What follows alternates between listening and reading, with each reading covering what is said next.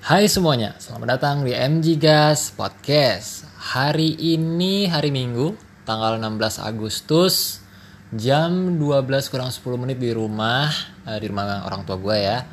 Dan besok adalah 17 Agustus, di mana kelahiran Indonesia atau mungkin kemerdekaan Indonesia diproklamasikan. Nah, apalagi yang kurang ya? Biasanya gue nyebutin apa sih? Oh ya situasinya lagi malam ya. Sekarang nih jam setengah 12 malam. Eh jam 12 kurang 10 malam ya, bukan siang, oke. Okay? Um, ini jadi gue tanggal 6 Agustus itu 10 hari yang lalu itu gue sudah melaksanakan sidang tugas akhir gue. Yo man, yo ih. ah, gue nggak bakal nyangka ya seumur hidup gue bakal ngalamin ini gitu maksudnya kayak sidangnya gue tuh sidang ternyata tuh gue bakal ngalamin yang namanya sidang online gitu ya. Jadi uh, teman-teman gue yang seumuran sama gue itu mereka kan ya mereka kan lulus duluan ya uh, tahun 2018 gitu. Jadi mereka udah pada sidang secara formal seperti biasanya gitu. Dan sidang online dan sidang offline itu tentu berbeda gitu ya rasanya pasti berbeda sekali. Uh, gue pribadi lebih menyukai sidang offline ya. Karena kalau ketika offline lu akan ketemu dengan teman-teman lu yang uh, sedang apa tuh namanya yang sedang sidang juga gitu loh. Jadi lu bisa tukar cerita abis dia maju ya kan? Lu bisa ngobrol tadi kayak gimana di dalam gitu. Lu digas apa aja lu diomelin dicecer apa gimana aja gitu ya kan? Kan bisa bisa apa bisa berbagi gitu. Jadi kita bisa membagi rasa ketakutan kita terhadap teman-teman kita juga kalau kita mau uh, sidang tugas akhir atau sidang skripsi. Nah kalau online ini kan di rumah masing-masing ya, di rumah masing-masing. Nah gue tuh termasuk uh, di rumah gitu ya, di rumah masing-masing gitu. Jadi nggak ada teman-teman gue yang datang ke rumah gue atau gue yang datang ke rumah temen gitu ya. Ya karena buat apa juga gitu kan, toh juga lagi pandemi situasinya. Dan kalau gue ngeliat di beberapa uh, video ya beberapa share-share orang di sosial media di TikTok gitu di Instagram gitu by the way gue sekarang mainan TikTok tapi nggak joget-joget nggak karena joget-joget tuh bukan ya gue nggak tahu lah apakah suatu hari nanti gue akan joget-joget juga tapi kayaknya uh, gue mainan TikTok tuh dengan cara gue sendiri gitu loh. Gue ngepost apa gitu ya. Karena setelah gue perhatikan lagi ternyata TikTok itu isinya nggak cuma sekedar joget-joget aja gitu. Tapi ada yang ngajarin lu bisnis ada yang ngajarin lu tentang kesehatan mental ada yang berbagi pengalaman horornya ada yang berbagi uh, pengalaman tentang dia nonton film apalah segala macam. Jadi udah mulai kayak YouTube gitu cuma versi pendeknya. Nah yang gue bingung adalah uh, kenapa ini tidak terjadi di Instagram gitu loh? Eh di Instagram juga ada sih. Udah udah ada dulu juga sih uh, kayak membahas kesehatan mental atau mungkin ya mirip-mirip lah ya gitu. Tapi ini kayak pindah platform aja gitu. Jadi kayak mungkin memang setiap zaman itu ada gitu yang baru aplikasi-aplikasi yang baru. Sekarang kan lagi yang rame itu kan yang biasa dipakai untuk uh, video call bareng-bareng itu uh, Zoom kan. Padahal dulu tuh ramenya tuh uh, Skype gitu loh. Kenapa harus Zoom sekarang gitu yang rame? Padahal Skype juga masih bisa dipakai kan. Dan sekarang tuh mulai pindah ke TikTok gitu. Orang-orang dari Instagram mulai pindah ke TikTok. Yang tadinya YouTube juga mulai ke TikTok gitu. Ya walaupun tetap sih di YouTube ya masih lebih rame gitu. Karena durasi mereka lebih panjang. Oke, bukan itu yang mau gue bahas, tapi gue mau ngebahas tentang sidang tugas akhir gue. Jadi ya itu tadi ya, sorry nih ngomongin sosial media nih jadinya. Jadi balik lagi ke masalah sidang.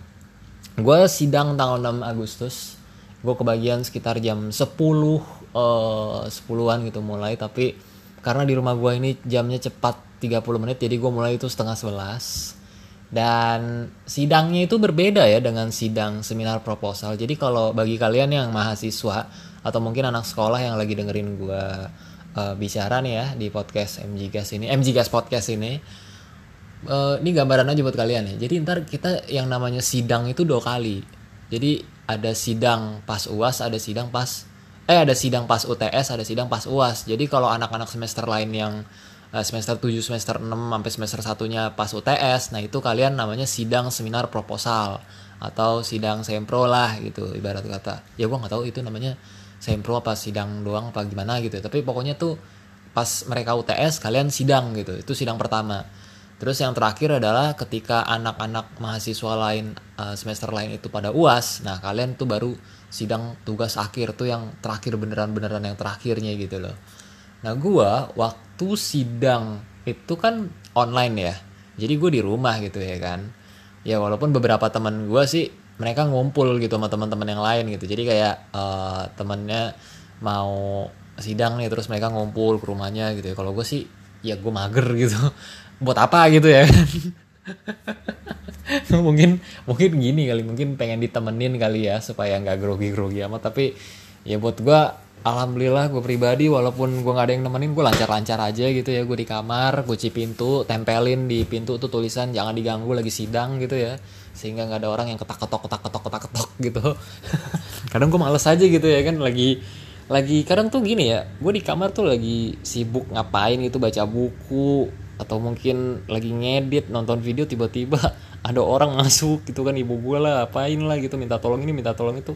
Kan nggak enak ya tiba-tiba kita lagi sidang terus tiba-tiba masuk gitu. Karena gue pernah lagi ada webinar gitu jadi webinar itu ya seminar gitu tapi melalui web gitu kayak video call gitu terus bapak gue masuk lah kan gue nggak enak ya kan.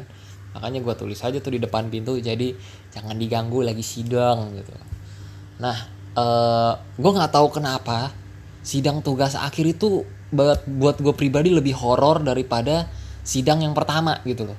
Sidang yang pertama tuh gue nggak terlalu grogi grogi banget gitu loh. Kayak ya ya udah gitu. Kayak groginya tuh hari itu doang gitu loh. Tapi sidang seminar eh sidang tugas akhir ini sidang yang kedua ini sidang yang terakhir itu gue eh, empat hari lima hari sebelum sidang itu udah nggak bisa tidur gue udah ngelutang lantung gitu kan jantung jantung deg-degan kenceng banget gitu kayak kayak apa ya kayak nggak tenang gitu pokoknya selama itu. Dan pas hari H itu makin gak tenang lagi gue jadi uh, eh, gue udah mikir kan apa aja kemungkinan yang terjadi gitu balik lagi kayak pas sempro eh pas sidang sempro kita kita nyebutnya sempro ya karena sidang pertama itu seminar proposal jadi kita nyebutnya sempro.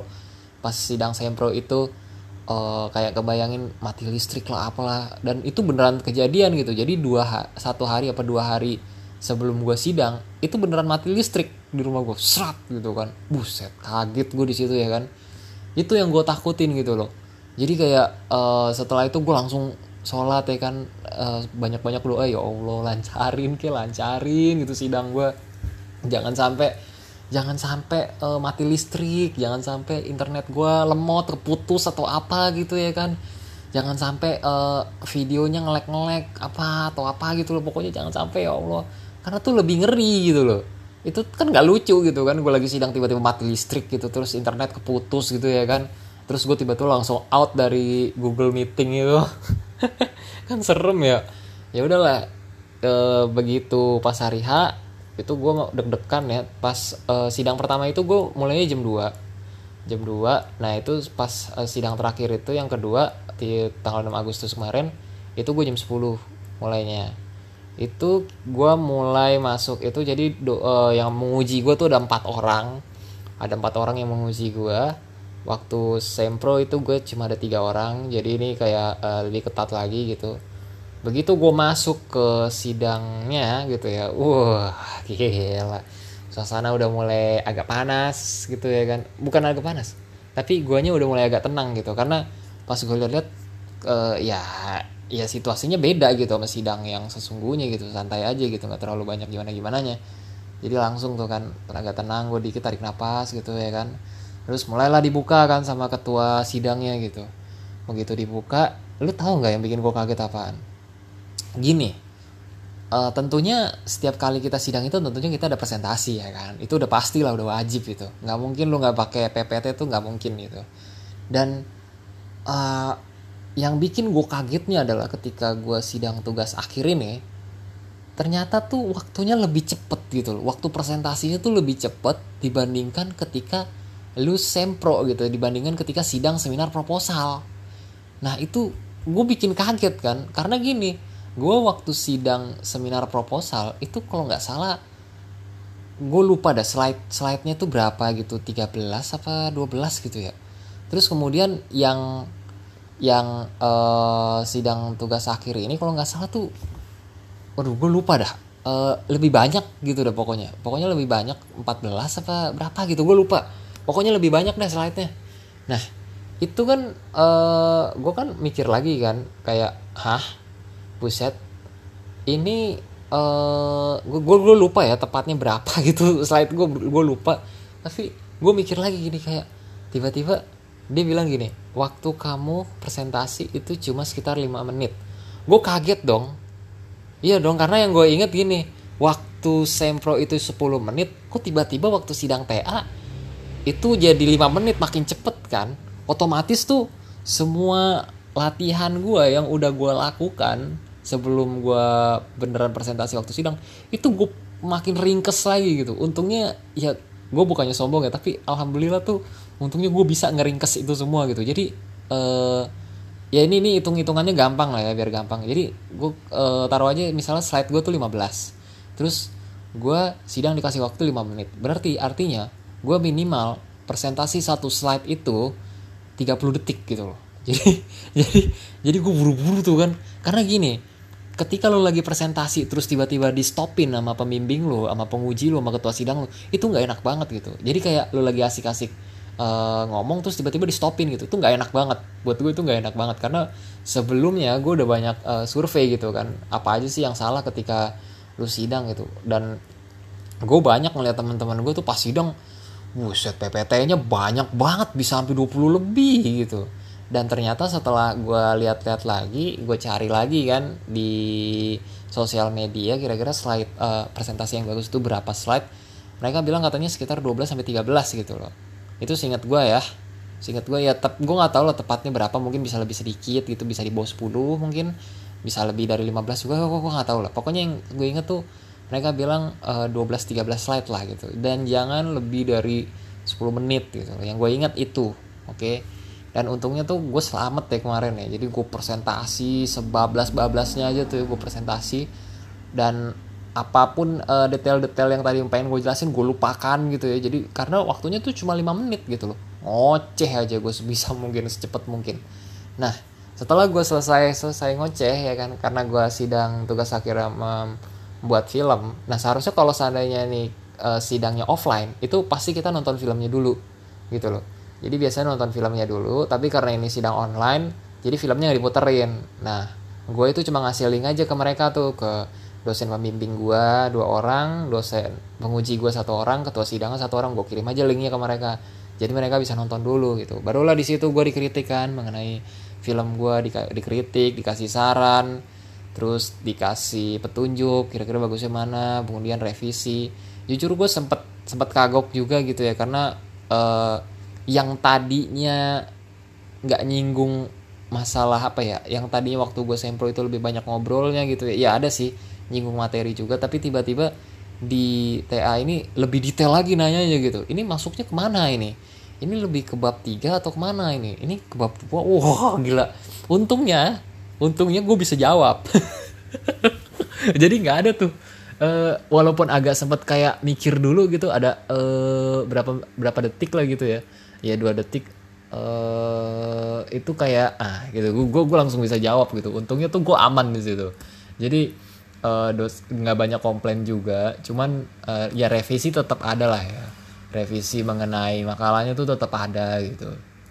Dan sekarang nih gue jujur aja gue lagi sibuk revisi ya karena kemarin gue udah ngirimin uh, makalah revisian gue jadi kan gue sidang tanggal 16 Agustus ya kan? Eh sidang tuh tanggal 6 Agustus.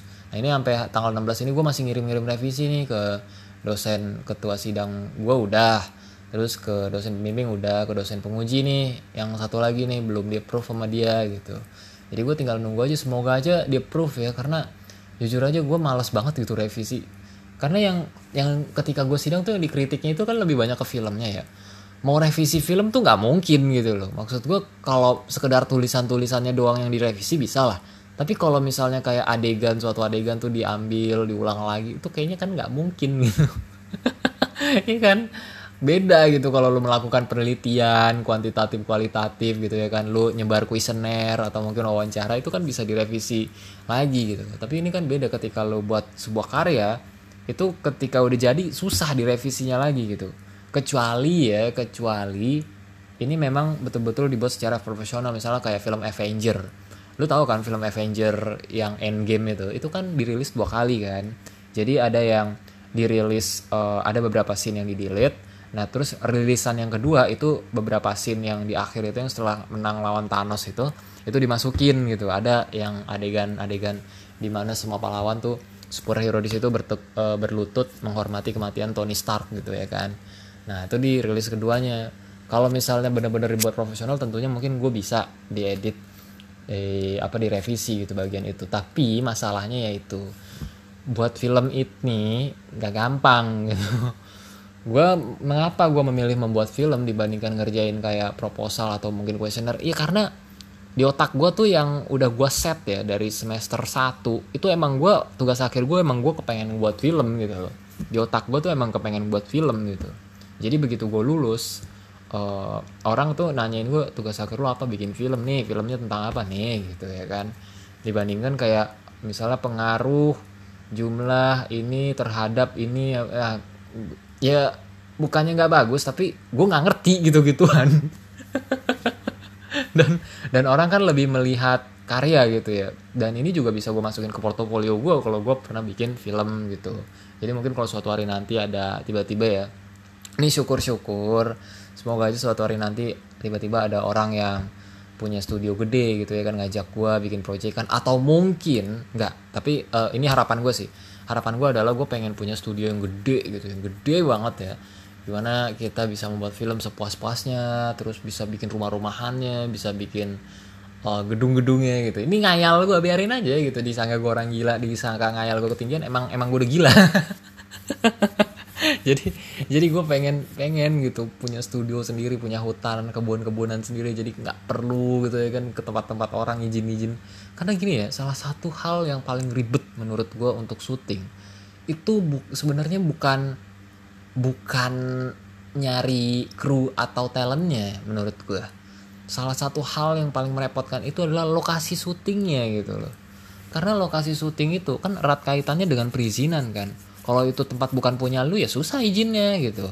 Dan kalau teman-teman ya mungkin lu ajak orang gitu ya kan temen lu yang mau membantu lu gitu atau mungkin siapa kayak kan main bisa aja gitu ya kan. Tinggal lu arah-arahin dikit gitu. Walaupun terkadang masih agak ribet gitu ya mas. Apalagi kalau mereka tapi kalau bisa ketika lu cari kru dan uh, talent film tuh kalau bisa mereka paling nggak udah punya pengalaman dulu lah ya. Udah punya gambaran gitu. Karena itu kan lebih mempermudah proses syuting gitu.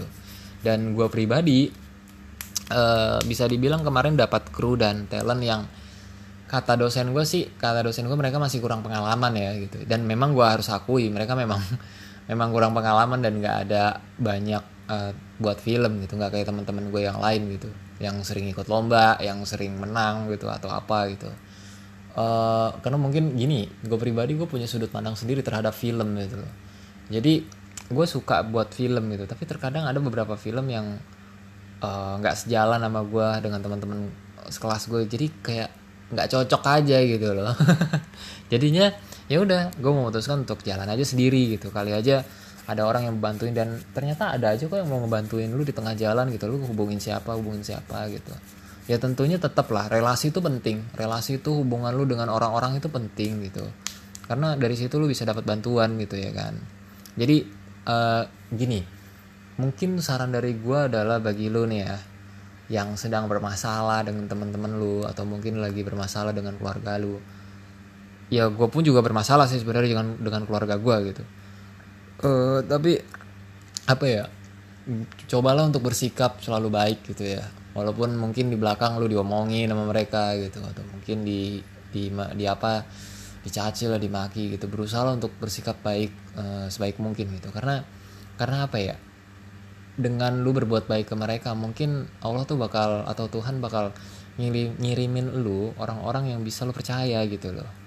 Jadi misalnya ada orang yang jahat ke lu gitu ya kan terus kemudian uh, lu berbuat baik ke mereka. Mungkin mereka nggak akan nolongin lu gitu. Tapi suatu hari nanti mungkin aja ada orang yang dikirimin oleh Tuhan atau yang maha kuasa buat nolongin lu gitu loh.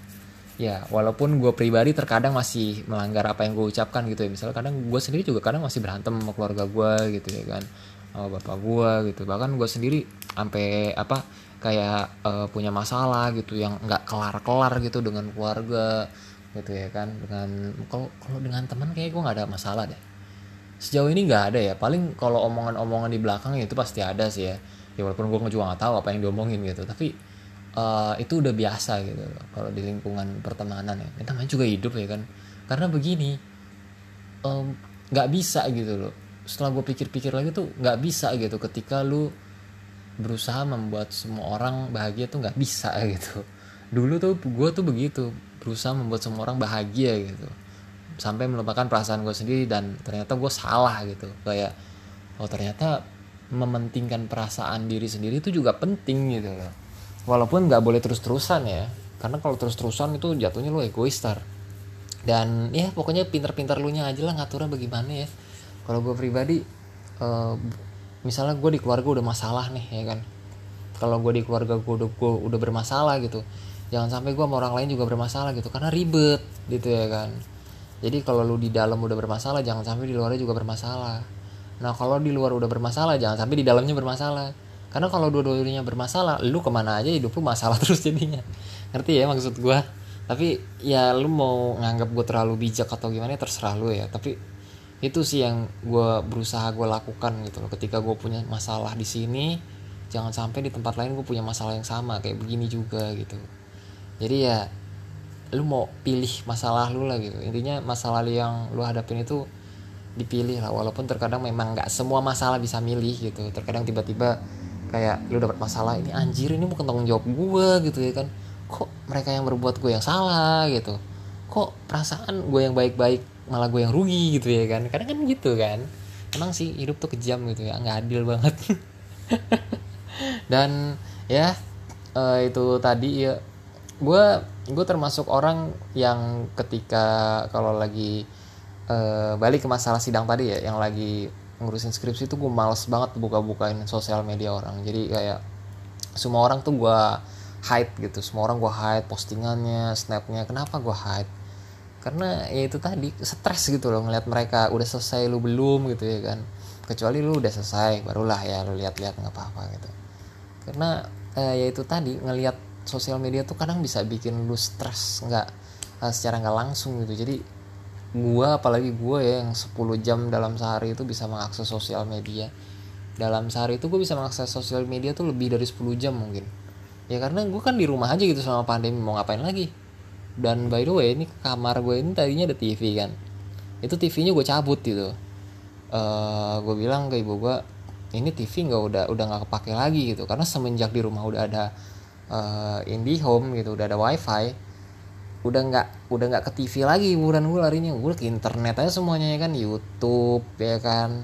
Terus kemudian Instagram TikTok apalagi Twitter terus apalagi Facebook. Buka-buka itu aja gue kerjaan gue atau enggak gue buka Spotify dengerin podcast orang lain atau mungkin uh, eh, gue buat podcast sendiri ya kan?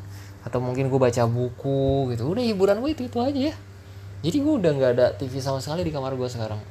Nah cuman karena TV ini udah nggak ada tadinya tuh gue mikir gini uh, eh, gue rencana tuh mau beli PS5 ya kan? Gue rencana mau mau beli PS5 jadi TV-nya ini mau gue perbarui gitu mau gue bagusin. Jadi kayak uh, mau gue beli versi yang lebih barunya gitu. Cuma setelah gue pikir-pikir kayaknya mendingan gue tabung aja lah ya. Mengingat Indonesia ekonominya lagi berbahaya gitu jadi gue baca-baca katanya ada uh, resesi gitu apalah gitu. Dan banyak harga-harga yang naik gitu ya. Jadinya ya udah gue mikirnya kayak ah, mungkin duitnya sebaiknya gue tabung gitu ya kan. Atau mungkin gue investasiin ke mana lah gitu jadi nggak rugi gitu. Dan ya balik lagi ke masalah sidang. Ternyata setelah gue sidang itu tanggal 6 Agustus gue pikir tinggal satu kelompok lagi yang maju gitu loh. Ternyata masih ada dua kelompok lagi yang maju gitu. Jadi jadwal mereka tuh berubah. Nah sebelum gua itu sebelum tanggal 6 itu itu ada sekitar dua kelompok yang harusnya udah maju gitu loh. Tapi tahu taunya jadwalnya berubah. Jadi jadi semuanya ganti lagi gitu. Jadi gua ter, jadi gua tuh uh, apa ya gue tuh yang tugas akhir yang pertama gitu loh. Gue kelompok yang pertama gitu gue orang yang pertama maju untuk sidang tugas akhir aplikatif mengenai film. Dan ya di angkatan gue termasuk angkatan gue nih termasuk angkatan yang paling banyak membuat film sih. Karena di angkatan-angkatan sebelumnya tuh kebanyakan mereka tuh keba- uh, lebih milih bikin apa ya kayak skripsi penelitian gitu kuantitatif kualitatif. Kalau gue gue jujur aja gue kalau disuruh bikin kayak gitu gue gak ngerti mau bikin apa gitu. Mau bikin penelitian tentang apa gitu nggak nggak nangkep di gue gitu nggak dapet gitu loh. Gue hasilnya gue pribadi tuh gue nggak dapet. Jadinya gue bingung.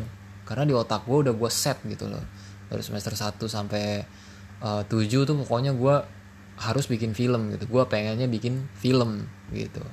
Jadinya ya udah alhamdulillah kewujud dan semoga aja nih revisi gue diterima ya. Semoga aja lancar dan bagi kalian ya yang lagi sekolah kayak yang masih kuliah semester semester pertengahan atau mungkin menjelang semester akhir atau mungkin baru masuk kuliah atau mungkin yang ya pokoknya masih sekolah lah ya. Ya siap-siap aja. Ini ini sedikit gambaran mengenai dunia kampus tuh kayak gimana. Toh gue juga udah ngerasain dunia kampus tuh 6 tahun.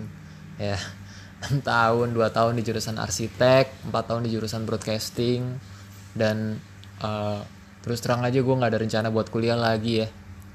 Karena begini mungkin setiap orang tuh punya pilihannya masing-masing. Kalau gue pribadi gue nggak memilih untuk kuliah lagi setelah ini. Karena setelah gue pikir-pikir bahwa kalau gue kelamaan di kampus tuh kayaknya uh, ada yang membuat gue tertinggal gitu loh. ada yang membuat gue ketinggalan gitu dari orang-orang gitu loh.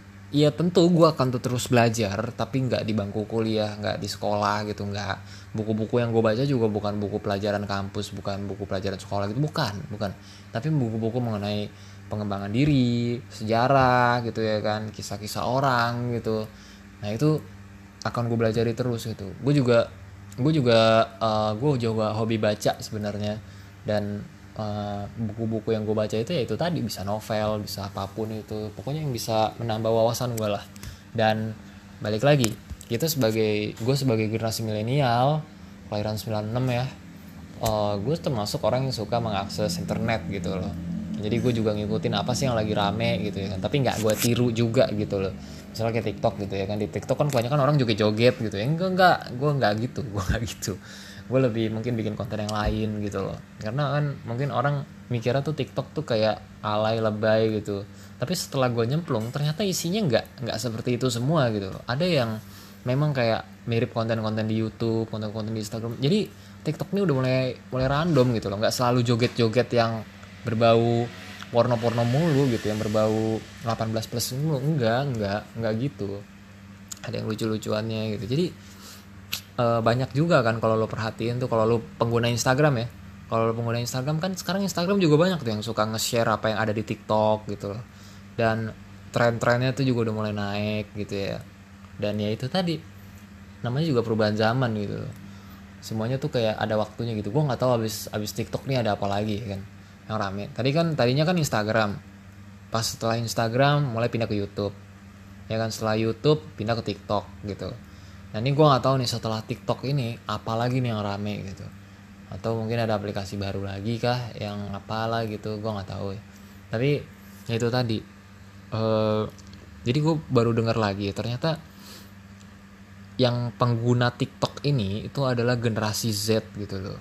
Generasi Z itu itu generasi di bawah gue yang kelahiran 2000-an, 2000-an 2000-an kemari lah pokoknya gitu Nah, kenapa sih uh, generasi Z ini lebih senang TikTok? Karena mereka dari kecil udah biasa megang HP gitu ya kan. Udah biasa ngelihat uh, internet gitu. Sementara gue uh, gue gue pribadi gue lebih senang ke YouTube sebetulnya.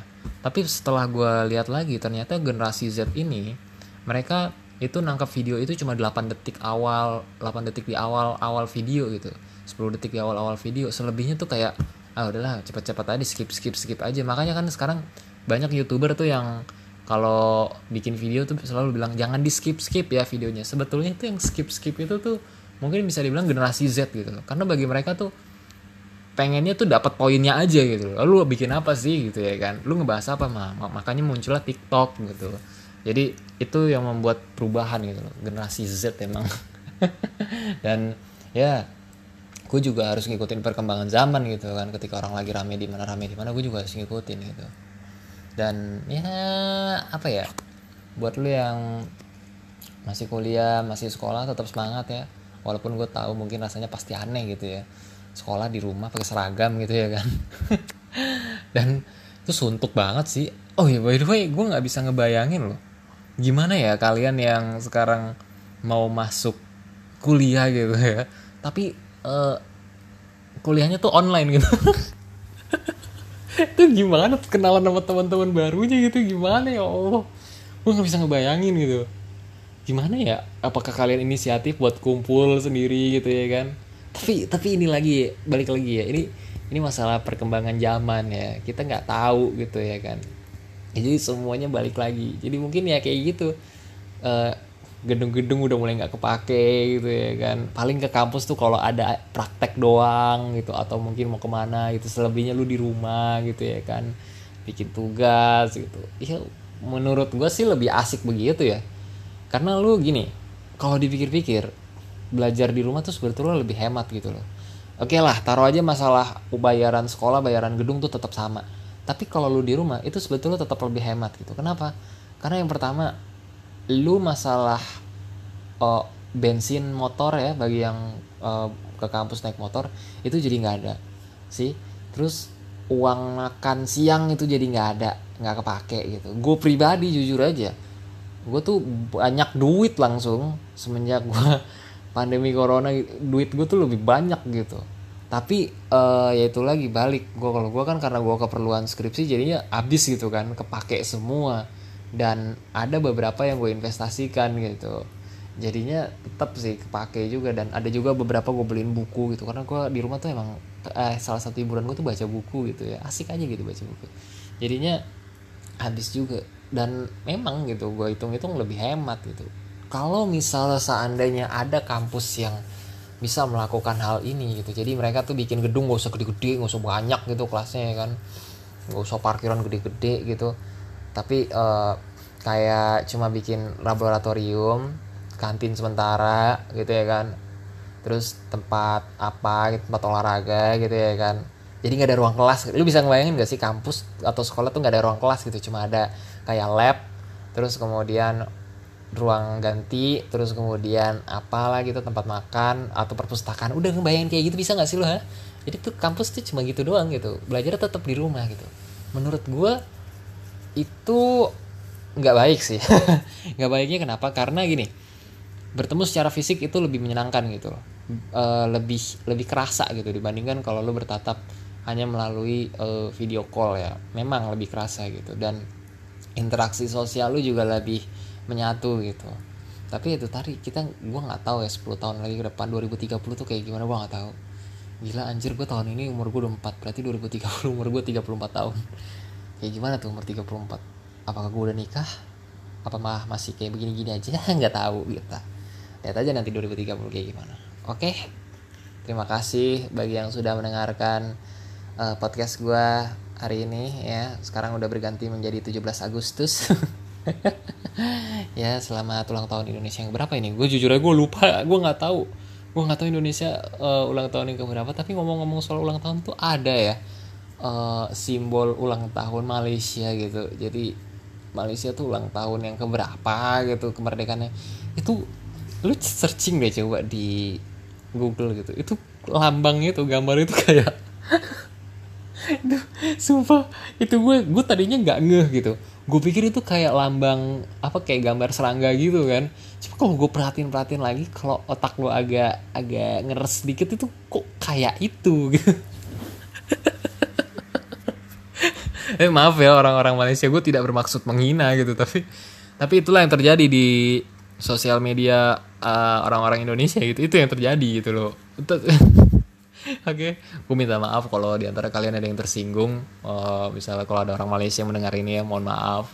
Tapi lagi-lagi gue gak ada bermaksud menyinggung kalian. Tapi, tapi ya udahlah, oke. Okay. Uh, eh, balik lagi kayaknya udah udahan aja ya udah 34 menit nih gue ngoceh-ngoceh. Eh ternyata ngoceh-ngoceh tuh bikin bibir panas, bikin hidung panas loh. Apalagi gue dari tadi ngomong nggak berhenti-berhenti ya kan. Oke, cukup sekian dari uh, gue. Terima kasih sudah mendengarkan podcast ini dan sampai ketemu di podcast berikutnya. Dadah.